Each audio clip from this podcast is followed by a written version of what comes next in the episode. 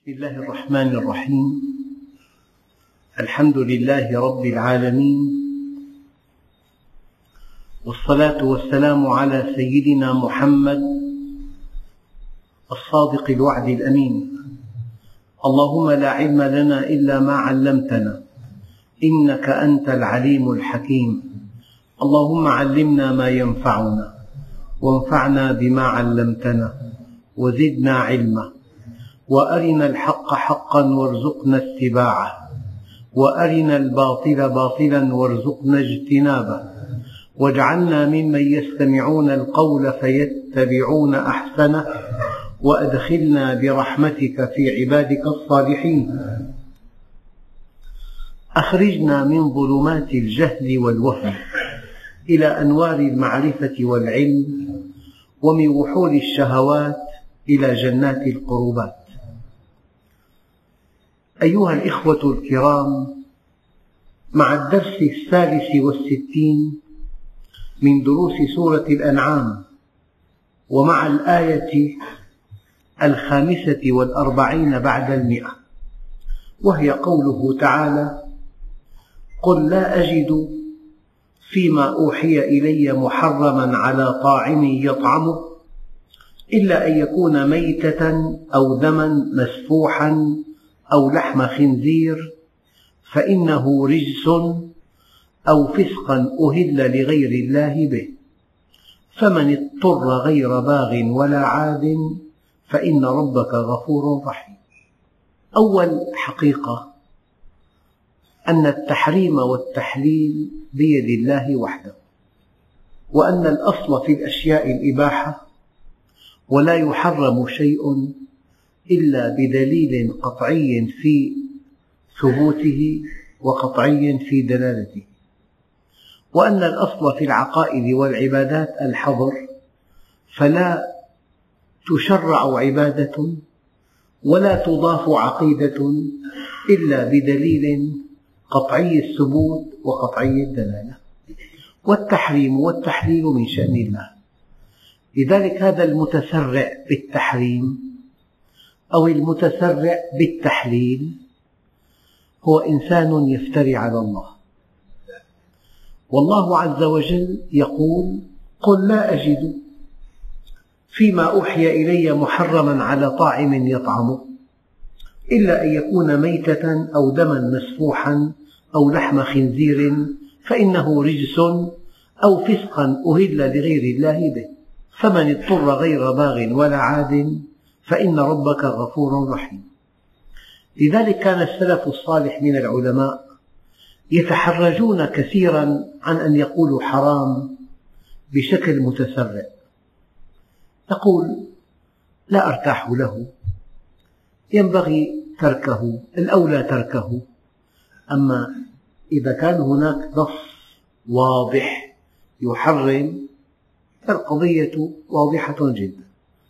في شيء آخر أن كل إنسان يستطيع التحريم ولو كان جاهلا لأن التحريم لا يكلف إلا أن تقول حرام بينما لا يستطيع إلا العالم الكبير المتعمق أن يعطي رخصة بالتحليل مع الدليل.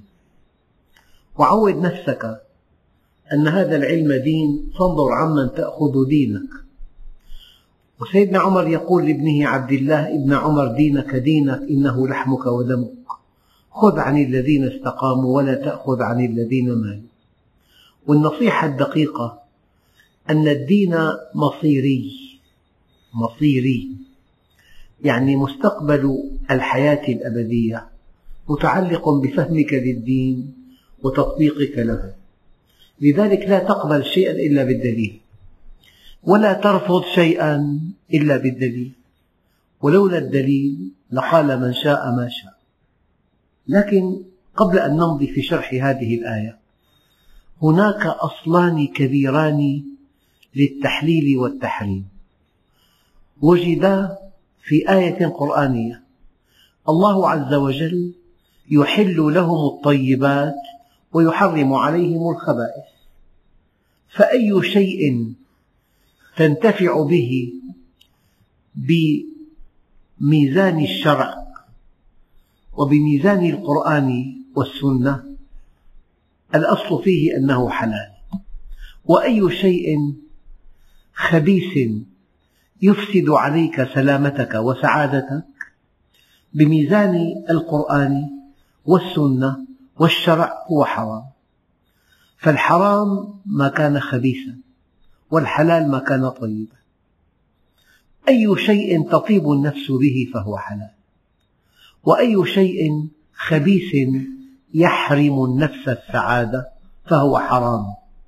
لعل حرام من أن النفس إذا اقترفت هذا الشيء تحرم من السعادة. لأن الله سبحانه وتعالى في الأصل خلق عباده ليسعدهم. فأسباب سلامتهم وأسباب سعادتهم منوطة بمنهج الله عز وجل. فالله عز وجل يحل لهم الطيبات ويحرم عليهم الخبائث. لكن هناك آيات فيها تفاصيل. الآية هذه موضوع هذا الدرس قل لا أجد فيما أوحي إلي محرما على طاعم. طبعا هنا محرمات الأطعمة. الآية اليوم متعلقة بمحرمات الأطعمة. وقرأت نشرات كثيرة ببساطة بالغة أن هذا الشراب حرام وهذا حرام وهذا الجبن حرام. بتسرع. أنا أتمنى ألا نسارع إلى التحريم إلا بدليل قطعي. وألا نسارع إلى التحليل إلا بدليل قطعي. في شيء آخر ينبغي أن أنوه إليه. يعني إنسان اتصل بي هاتفيا فقال لي قال لي دعيت إلى بيت وقدموا لي بيرة بلا كحول. فأبيت أن أشربها ورعا. فقالوا لي أنني أبحتها في درس مع أنني ذكرت أنه لا ينبغي أن تشربها وأتيت بالدليل. الإمام مالك حرم خنزير البحر هو سمك والأصل أنه حلال لكن حرمه من اسمه. فإذا كان إمام كبير حرم سمكا يسمى خنزير البحر باسمه. هل يليق بمسلم؟ أن يشرب شرابا ولو افترضنا أنه ما في كحول اسمه بيرة مثلا فأحيانا قد ينقل إليكم فتاوى لا أصل لها لا أصل لها الطرف الآخر من باب الإحراج من باب شيخك أحله في درس عام مثلا طيب ما الدليل؟ له أين الدليل؟ أين الشريط؟ أين الشاهد؟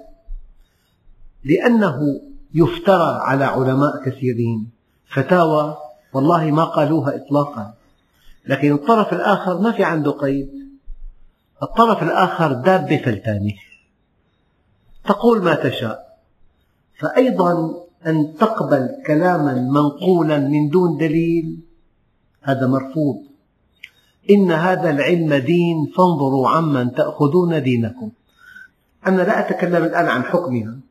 إلا أنه لأن الدين عظيم إياكم أن تأخذوه نقلا سريعا من دون دليل. لولا الدليل لقال من شاء ما شاء. وأنا أتمنى على كل طالب علم ألا يقبل ولا مني شيئا إلا بالدليل. وألا يرفض شيئا ولو رفضه كبار الأشخاص إلا بالدليل. لأن الدليل يجعلك فقيها. من دون دليل تكون تابعا أعمى. عود نفسك أن تسأل عن الدليل. إذا كان في تحريم في تحليل ما الدليل؟ وأنت إذا أكثرت من معرفة الدليل نما عندك ما يسمى بالفقه المنهجي. فقه المنهجي.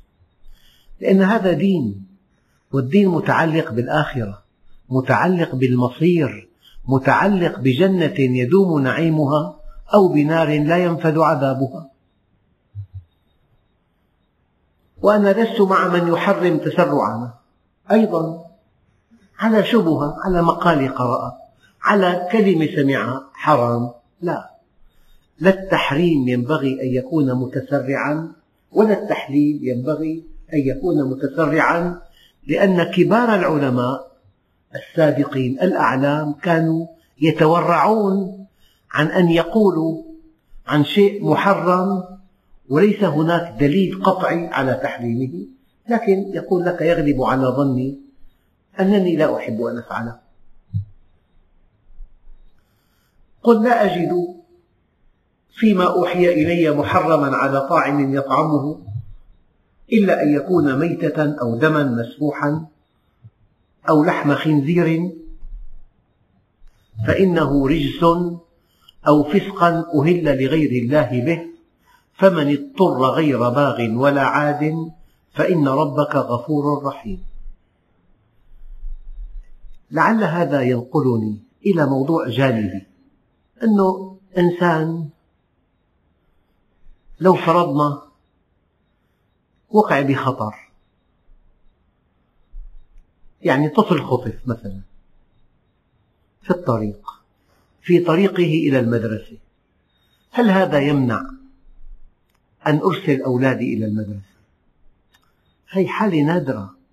إذا كان في خطر لا يزيد عن واحد بالمئة هذا لا ينبغي أن يتخذ مبدأ واضح؟ يعني إذا في حادثة ذكرت وقد تكون غير صحيحة وقد تكون غير واقعية وقد يكون فيها مبالغة كبيرة. لا ينبغي أن أبني حركاتي في الحياة على حالات نادرة جدا تقع أو لا تقع وإن وقعت وقعت بنسبة ضئيلة جدا. يعني أوضح من ذلك ركوب الطائرة. في احتمال أن تسقط. هل يمنعني هذا الاحتمال ألا أركب الطائرة؟ ممكن أن يموت الإنسان في الطريق. أو في مركبة أو في بيته. فأنا لا أبني منهج الإسلام على حالات نادرة جدا لا تقع.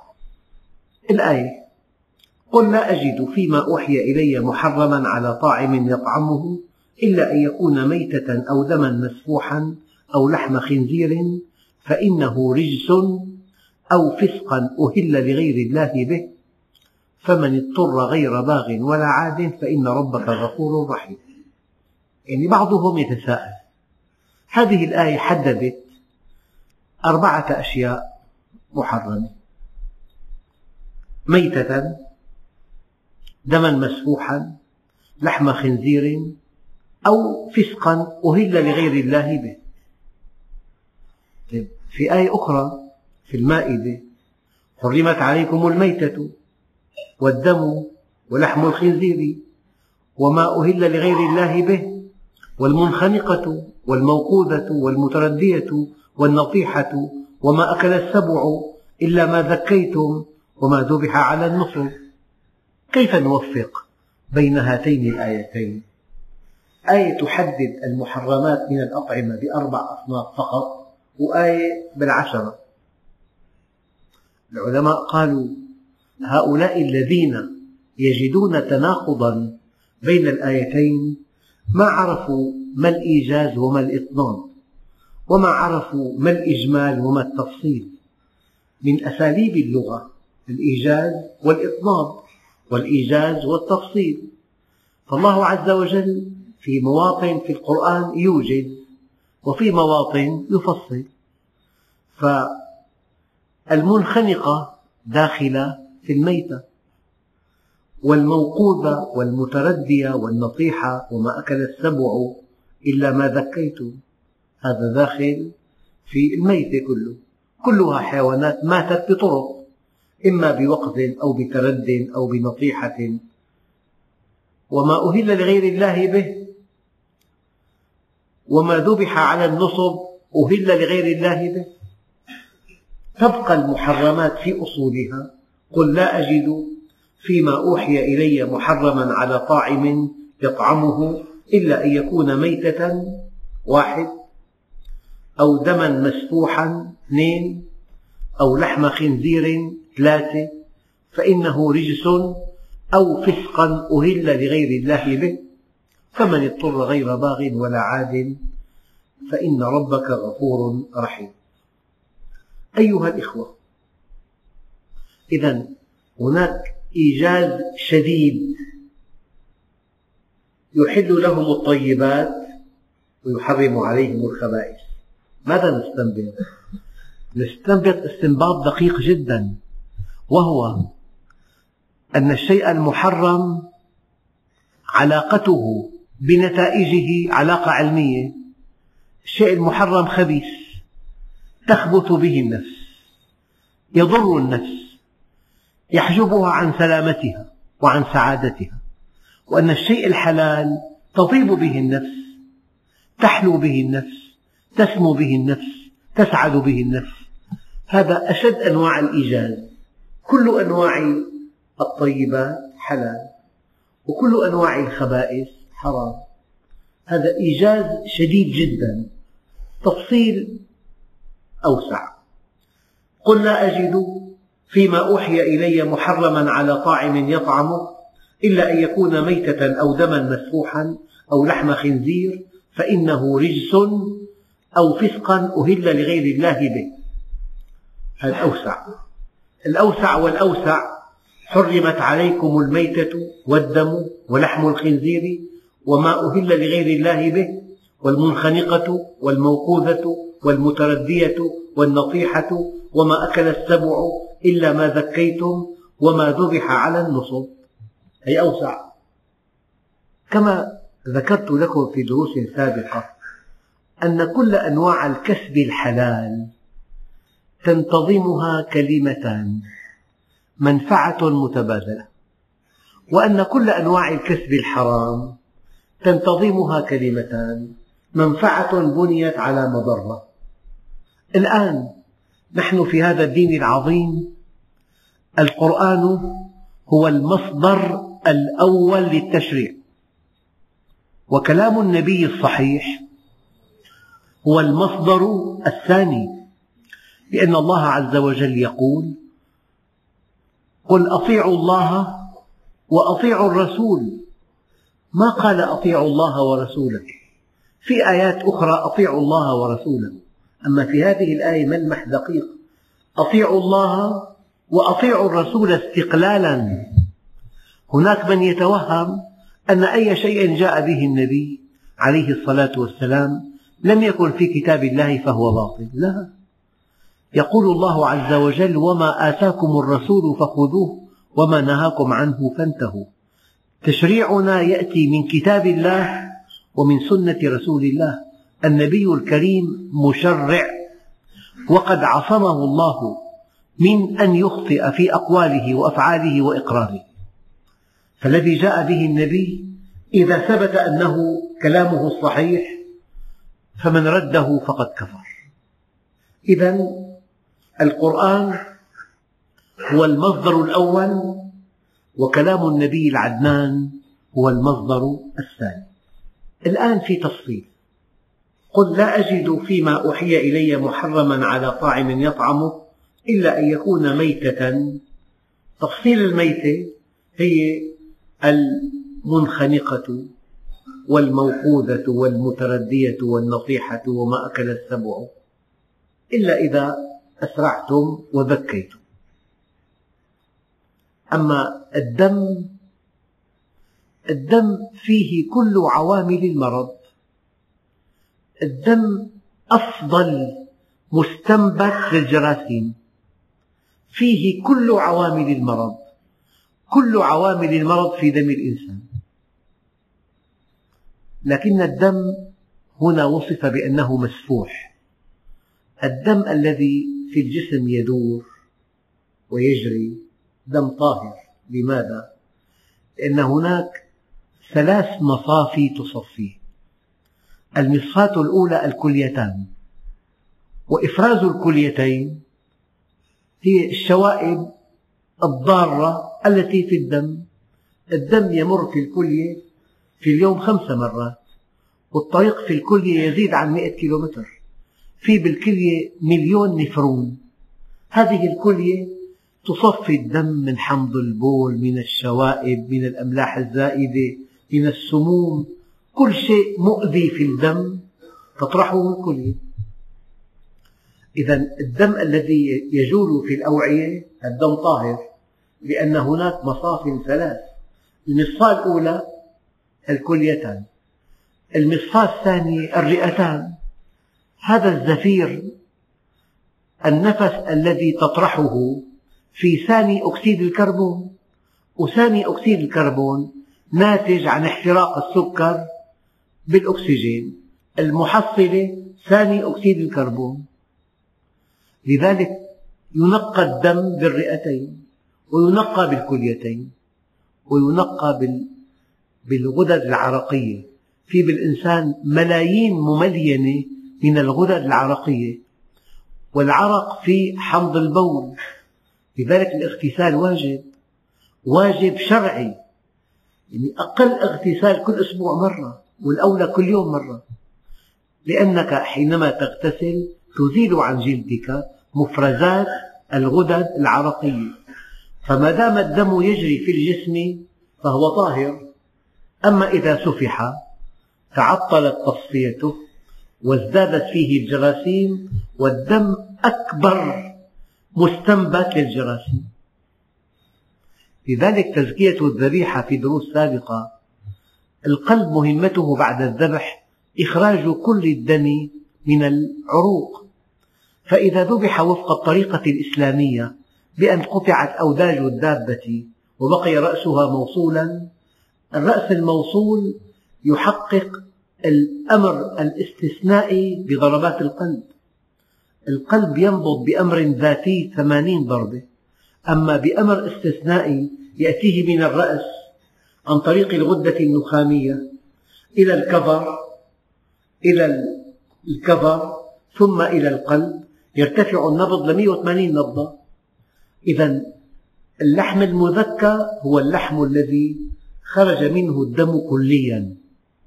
بينما اللحم غير المذكى هو اللحم الذي بقي الدم فيه والدم نجس تعطلت تصفيته. في علماء قال لا هناك معنى آخر مخالف. الدم المحرم هو الدم المسفوح. ودم الإنسان في جسمه وهو يجري دم طاهر في تصفية. الكليتان والرئتان والغدد العرقية. بعضهم قال هذا الدم في الجسم يتجمع ويتماسك إلى أن يصبح جهازا. الكبد دم. الطحال دم. فهذا الذي تجمع وشكل عضوا في الجسم لا يقبل إلا الدم الطاهر. لذلك النبي الكريم قال أحل لكم دمان الكبد والطحال. أحل لكم. يعني كيف أنه البطيخ ماء مجمد من دون براد؟ ماء مجمد لأنه سبعة وتسعين بالمئة من قوام البطيخ الأحمر ماء. ثلاثة بالمئة كل هذه الألياف والأطعمة الحلوة. كذلك الكبد دم. الكبد أكبر مستودع للدم أكبر مستودع للسكر للشحوم الثلاثية. لكل البروتينات مستودع غذائي هو ومستودع للدم. وكل شيء يأتي يأتي الدم من الأمعاء والطعام. مصيره إلى الكبد هو المستودع والخزان. والكبد يقوم بخمسمائة وظيفة. والكبد أخطر أعضاء الجسم. النبي قال أحل لكم دمان الكبد والطحال. إذا معنى دم مسفوح مستثنى منه. طبعا الدم الذي يجري في العروق ليس طعاما يؤكل بس تنويه أن الدم في العروق طاهر أنه في تصفية. أما التنويه الثاني الدم المسفوح هو المحرم. الدم المجمد على شكل عضو كالكبد والطحال هذا حلال أكله في استثناء من النبي الكريم. والنبي مشرع. قل لا أجد فيما أوحي إلي محرما على طاعم يطعمه إلا أن يكون ميتة. الآن نحن نأكل السمك الميت. كيف نأكله؟ قال السمك له حالة استثنائية. السمك حينما تصطاده ويخرج من الماء ينتقل كل دمه إلى غلاصيمه وكأنه ذبح. تماما من علم النبي هذا الاستثناء؟ السمك حينما تصطاده ينتقل دمه كله إلى غلاصيمه وكأن السمكة ذبحت وخرج منها دمها وقلما تجد في لحم السمك نقطة دم. أبدا. والجراد ليس فيه دم إطلاقا. وفي أناس كثيرون بلا دم. هذا موضوع ثاني.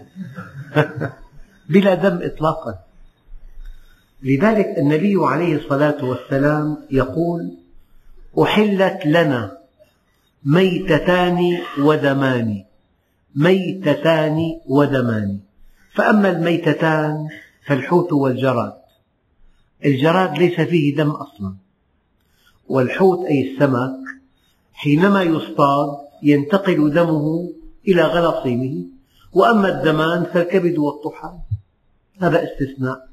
إذا هنا النبي مشرع. إذا كأن القرآن أعطاك الكليات أما التفاصيل فجاءت في السنة. الاستثناءات جاءت في السنة. أيها الإخوة نتابع هذه الآية. فإنه رجس. أريد أن أوضح لكم بمثل بسيط. يعني كل بيت يحتاج إلى مكنسة. لكنس الغبار والقاذورات والأوساخ. هل يمكن أن تؤكل المكنسة؟ لا تؤكل. مهمة هذه المكنسة تنظيف البيت من القاذورات. هذا أصل الفكرة. الآن الخنزير يعني كيف أن الإنسان يستمتع أشد الاستمتاع باللحم المشوي؟ الطازج. ويراه سيد الطعام. الخنزير مشكلته أن سيد الطعام عنده الفطائس واللحوم المتفسخة. يعني مغرم بأكل الجرذان بأكل الخنازير الميتة بأكل الجيف هي مهمته مصمم من الداخل بعصارات هاضمة فعالة جدا. فالخنزير له فائدة لكن لا أن نأكله تماما كالمكنسة. لها فائدة بالبيت لكن لا لكي نأكلها. مرة إنسان هيك قال لي كيف الصلاة بالقطب؟ والله سؤال بحير ست أشهر ليل. يعني اللي بدنا نصوم ست أشهر أو بدنا نصوم ست أشهر مستمرة النهار هناك ستة أشهر. في دائرة معينة في القطب يستمر الليل ستة أشهر والنهار ستة أشهر. أرض عم تدور بمحور مائل فالشمس تأتي إلى هنا فقط. فإلى أن يصير المحور هكذا المحور في عندنا ستة أشهر الدائرة القطبية ليل دامس وستة أشهر نهار. كيف الصلاة هناك؟ كيف الصوم؟ فمرة أجبت عن هذا السؤال. قلت له واحد صعد إلى سقيفة البيت. ارتفاع متر وعشرة. هيك حاني ظهره دائما. قال لي كيف أقف في هذا المكان يا أستاذ؟ هذا المكان ليس للوقوف. هذا المكان لوضع الأشياء التي لا نستخدمها في حياتنا. هذا المكان ليس للوقوف مصمم لحاجات لا تستعملها توضع في هذا المكان. فإذا صعدت إلى هذا المكان سقفه لا يحتمل. من قال لك إن هذا المكان من أجل أن تسكن فيه؟ فلذلك قضية آه، لحم الخنزير لماذا خلقه الله عز وجل؟ خلقه الله عز وجل لأهداف رائعة جدا. أيام تموت قطة في الفلات يموت كلب يموت حمار أحيانا من دون خنزير تبقى المنطقة لمئتي متر لا تحتمل رائحتها. هذا الخنزير مغرم أشد الغرام بلحم الجيف والفطائس. يأتي الأوروبيون يربونه في مزارع. ويحبون أكله تماما. لي صديق كان معي على مقعد الدراسة. انتهى به الأمر إلى أن يدرس في الاتحاد السوفيتي قديما. درس طب وصار عميد كلية طب. حدثني مرة أن بعض المواد التي درسها أثر أخلاق الحيوان الذي نأكله بأخلاقنا. الخنزير يأتي أنساه أمام الناس. لا يستحي. لها طباع الحيوانات. الجمل لا يمكن أن يسمح لأحد أن يراه مع أنثى. السمك كذلك. في دراسات لطيفة جدا. كل حيوان كيف وضعه مع أنثاه أشد أنواع الحيوانات إباحية وتفلتا هو الخنزير. أساسا نحن نستخدم كلمة خنزير لواحد ما في دين أو لواحد لا يغار على عرضه. أو لواحد يرضى الفاحشة في أهله أو لواحد ديوث نقول له مثل الخنزير. وإذا كان أشد من ذلك مثل الخنزير المقوص هذا الخنزير مهمته أن يأكل الجيف والفطائس وكل حيوان ميت ومغرم بتناول الجرذان طعامه المفضل الجرذان. هذا ليس لكي نأكله لكن في كلام آخر. في كلام من دون تفاصيل إطلاقا. لاحظ نفسك لو دخلت إلى عيادة طبيب يحمل شهادة عالية جدا. من بلد كبير في الطب. لا تفكر أبدا أن تطالبه بالتعليل إطلاقا دون أن تشعر. شهادته العالية وسمعته الطيبة تجعلانك تخضع له من دون تعليل. لذلك مرة إنسان ذهب إلى بلاد الغرب إلى أمريكا بالذات. هو عالم شرق أوسطي مسلم يحمل دكتوراه بالشريعة. ذهب إلى بلاد أمريكا والتقى بعالم أمريكي هداه الله إلى الإسلام. جرى الحديث عن لحم الخنزير. فهذا العالم الشرق أوسطي أراد أن يعرض له رأيه في تحريم لحم الخنزير الدودة الشريطية وتأثر الإنسان بطباع هذا الحيوان وما إلى ذلك. بعد ساعة من الشرح ابتسم هذا العالم الغربي قال له كان يكفيك أن تقول لي إن الله حرمه. هذا هو الإيمان. لذلك مرة في موضوع التعدد في ندوة في إذاعة بريطانية حول التعدد من ضمن الندوة جرى اتصال مع أستاذة في جامعة القاهرة لأنها دكتورة وأنثى سألوها عن التعدد أجابت إجابة ما رأيت إجابة أعمق منها قالت كيف أدلي برأي في التعدد؟ وقد سمح الله به. من أنا حتى أدلي برأي؟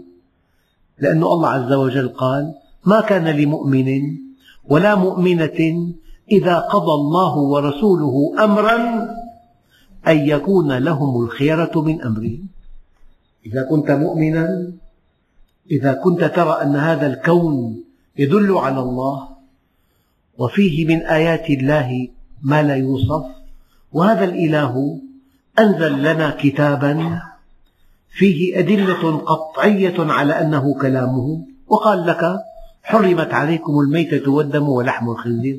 سمعا وطاعة يا رب.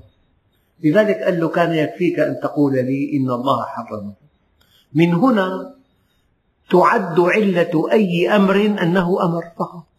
أمر على العين والرأس. يعني بالتعامل اليومي.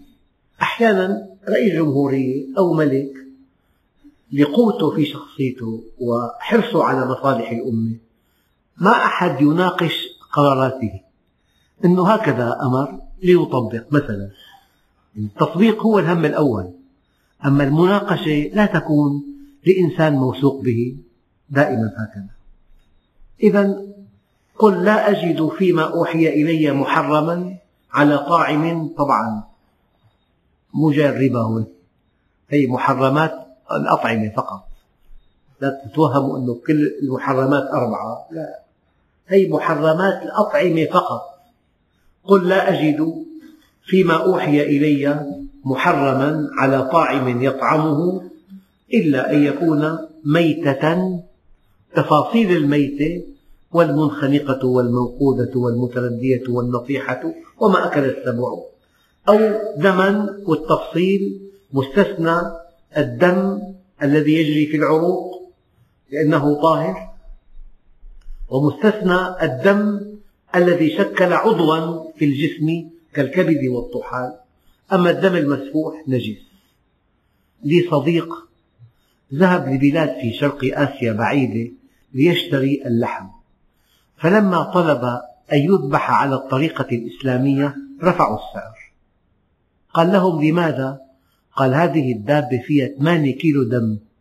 فإذا أمرت أن تذبح وفق الطريقة التي تطلبها الدم كله يخرج منها نخسر نحن. لذلك الآن بالعالم الغربي شيء لا يحتمل. الدم يجمد ويوضع في الأمعاء ويؤكل كأكلة نفيسة جدا. الدم عندنا محرم لأن كل عوامل المرض في الدم كل أسباب المرض في الدم. والدليل أن أكبر مستنبت للجراثيم هو الدم. بالمخابر. كيف يستنبتون الجراثيم؟ بالدم. لذلك الدم محرم. ماذا أقول لكم؟ البقر الله عز وجل صممه حيوانا نباتيا. في بريطانيا أطعموه مسحوق الجيف وأطعموه الدم المجفف. فجن البقر. وجنون البقر من جنون البشر.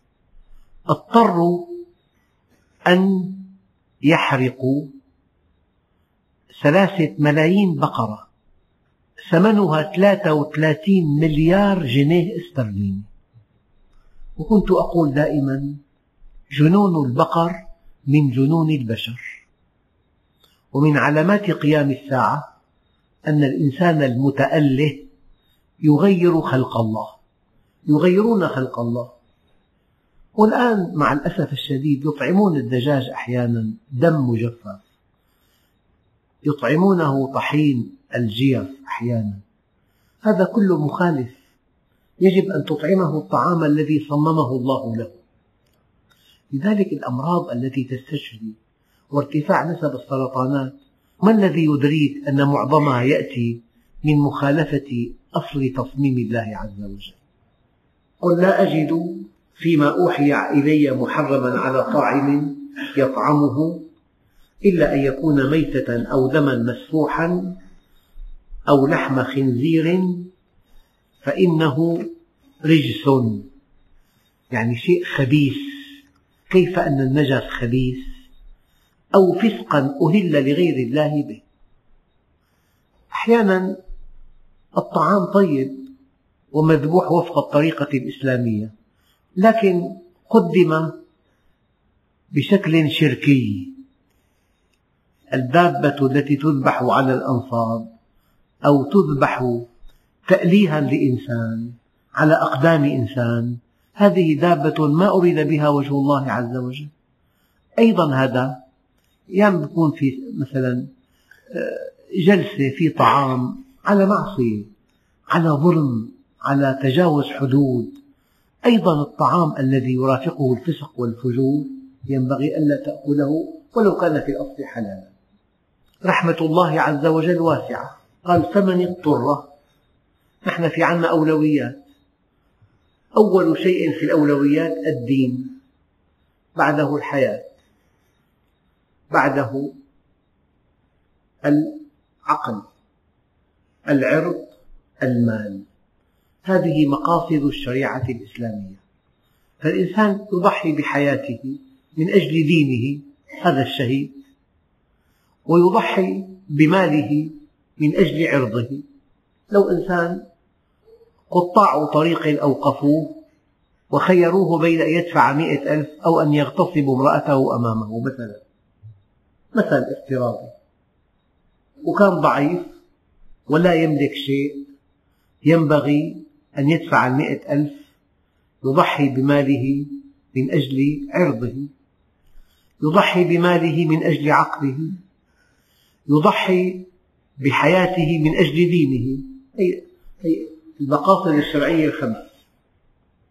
قال فمن اضطر يعني تناول لحم الخنزير حرام لكن الحياة أولى. فإذا إنسان كاد يموت من الجوع يقينا لا توهما. وبينه وبين الموت شعرة وفي أمامه لحم خنزير بإمكانه أن يأكل. لكن الضرورة تقدر بقدرها. فمن اضطر حفاظا على حياته غير باغ ولا عاد. غير باغ يعني ما أكل فوق حاجته. ولا عاد عاد إلى هذا الأكل بلا ضرورة. كلاهما محرم. والإنسان أحيانا متى يضطر إلى أن يأكل؟ إذا افتقد الطعام الشرعي. أو الطعام موجود لكن أجبر على أكله وإلا يفقد حياته. أنا أذكر مرة قرأت في التاريخ أنه سلطان غاشم طاغية غير مسلم أراد إذلال العلماء فجمعهم في مكان أمام جمهور كبير من الناس وجاء بلحم الخنزير وأمرهم أن يأكلوا. طبعا بعضهم أكل ومغطى بالفتوى فمن اضطر في قتل لأنه لكن في عالم كبير جدا وهو من أكبر علماء البلد مشهور بالورع والتقى ولشدة مكانته في الناس خادم هذا الطاغية قدم له لحم ضأن. وهمس في أذنه يا سيدي كل ولا تخف. هو لحم ضأن فلم يأكل وقتله السلطان. قال له يا بني هذا عند الناس لحم خنزير. أنا سأضحي بحياتي حفاظا على مكانة العلم. اللحم ضاني لكن بشدة حفاظه على مكانة العلم رفض أن يأكل وقتله السلطان لذلك فمن اضطر غير باغ ولا عاد طبعا هذا الكلام يذكرني بقصة. سيدنا رسول الله أرسل سرية صحابيان جليلان وقعا في أسر مسيلمة الكذاب. جاء بهما بين من حوله من المقربين وقال للأول أتشهد أني رسول الله؟ أنه جاء بقرآن قال والطاحنات طحنا والعاجنات عجنا. قال له أتشهد أني رسول الله؟ قال له والله ما سمعت شيئا. فقطع رأسه. جاء دور الثاني. قال له أتشهد أني رسول الله؟ قال أشهد أنك رسول الله. الآن بلغ النبي الخبر فماذا قال؟ قال أما الأول فقد أعز دين الله فأعزه الله. نحن هبط قلبنا الآن على الثاني. قال وأما الثاني فقد قبل رخصة الله. أرأيت إلى عظمة هذا الدين؟ ما كلفك فوق ما تطيق. يعني في حد أدنى أنت ناجي وأنت معافى عند الله. والله قبلك الحد الأدنى أن تقول أشهد أنك رسول الله لأنه في قتل. والحد الأعلى أن تقول ما سمعت شيئا. كنت مرة في تركيا وألقيت هذا الدرس على جمع غفير وقلت أما الأول فقد أعطاه الله مليون دولار. وأما الثاني فقد أعطاه الله مليون ليرة تركي. التوضيح يعني. الحد الأدنى له أجر والأقصى له أجر. بأشياء بالدين كثيرة فيها تفاوت.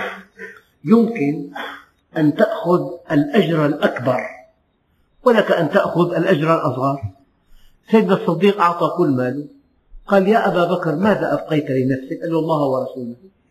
وفي إنسان أعطى نصف ماله سيدنا عمر. وفي إنسان بخل بماله. نعم. فمن اضطر غير باغ ولا عاد فإن ربك غفور رحيم. لأنه إن الله يحب أن تؤتى رخصه كما يحب أن تؤتى عزائمه. يعني إنسان بيتفلسف أيام يقول لك أنا بالسفر ما بقصر ما بقصر سفر هذا مالي مزعوج. النبي قصر وهو أورع منك. إن الله يحب أن تؤتى رخصه كما يحب أن تؤتى عزائمه. قال أشدكم لله خشية أنا. أنام وأقوم أصوم وأفطر تزوج النساء. هذه سنتي. فمن رغب عنها فليس من أمتي. لا تزاود على رسول الله. هو سيد الخلق سيد ولد آدم. أخشانا لله أقربنا إلى الله. أشدنا ورعا فالذي سمح به خذه ولا تخف. والذي نهانا عنه ابتعد عنه. أما أن تزاود هذا من شيم المنافقين.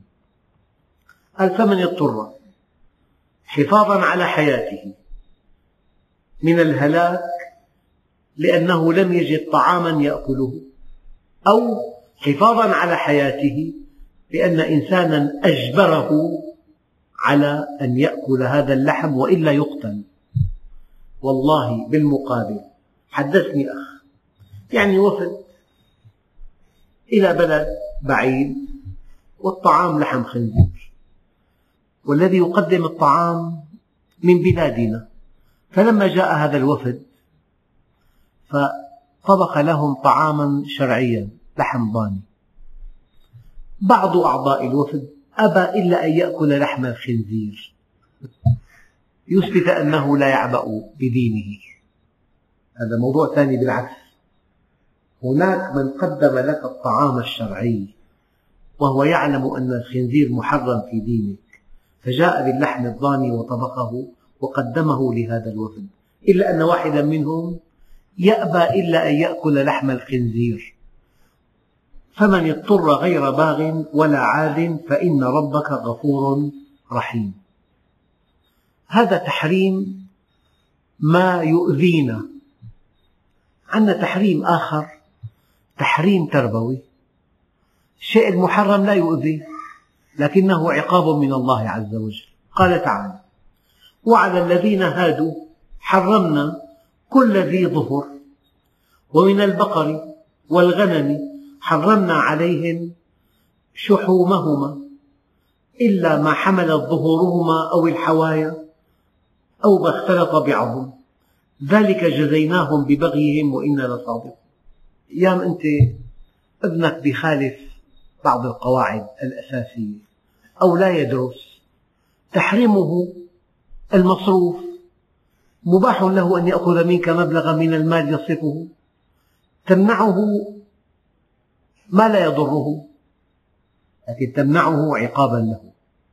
التحريم الأول تحريم منع ضرر العلة أو العلاقة بين المحرم والنتائج علاقة علمية أي علاقة سبب بنتيجة. أما القسم الثاني تحريم تأديب. يعني مثلا أن يذهب الابن مع أهله إلى النزهة هذا شيء طبيعي. وشيء مباح وشيء حلال.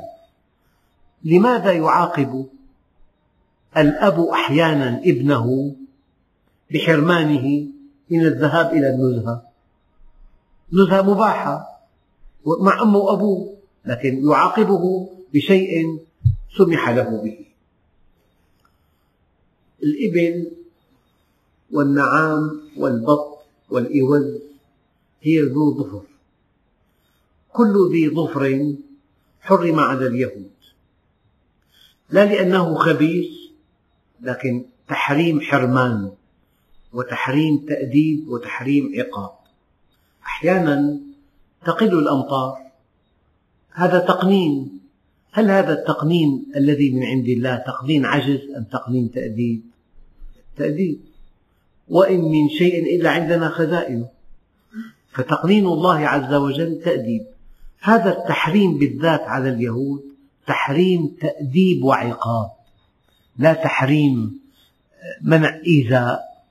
التحريم الأصلي هو تحريم خبائث أما هذا تحريم تأديب.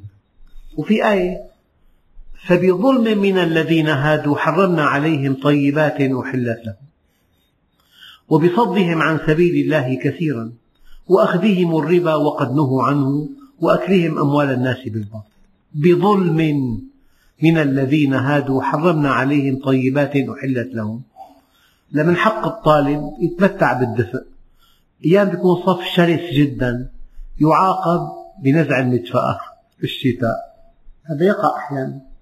نقول هذا منع منع تأديب لا منع شيء ضار. المدفأة ليست ضارة في الصف. مفيدة ولها ضرورة أساسية. شيء آخر الشحوم كلها محرمة كانت إلا ما حملت ظهورهما أو الحوايا شحوم الأمعاء أو ما جاء في الظهر أو ما اختلط بعظم لية الخروف مرتبطة بعشب الزنب نعم. ذلك جزيناهم ببغيهم وإنا لصادقون.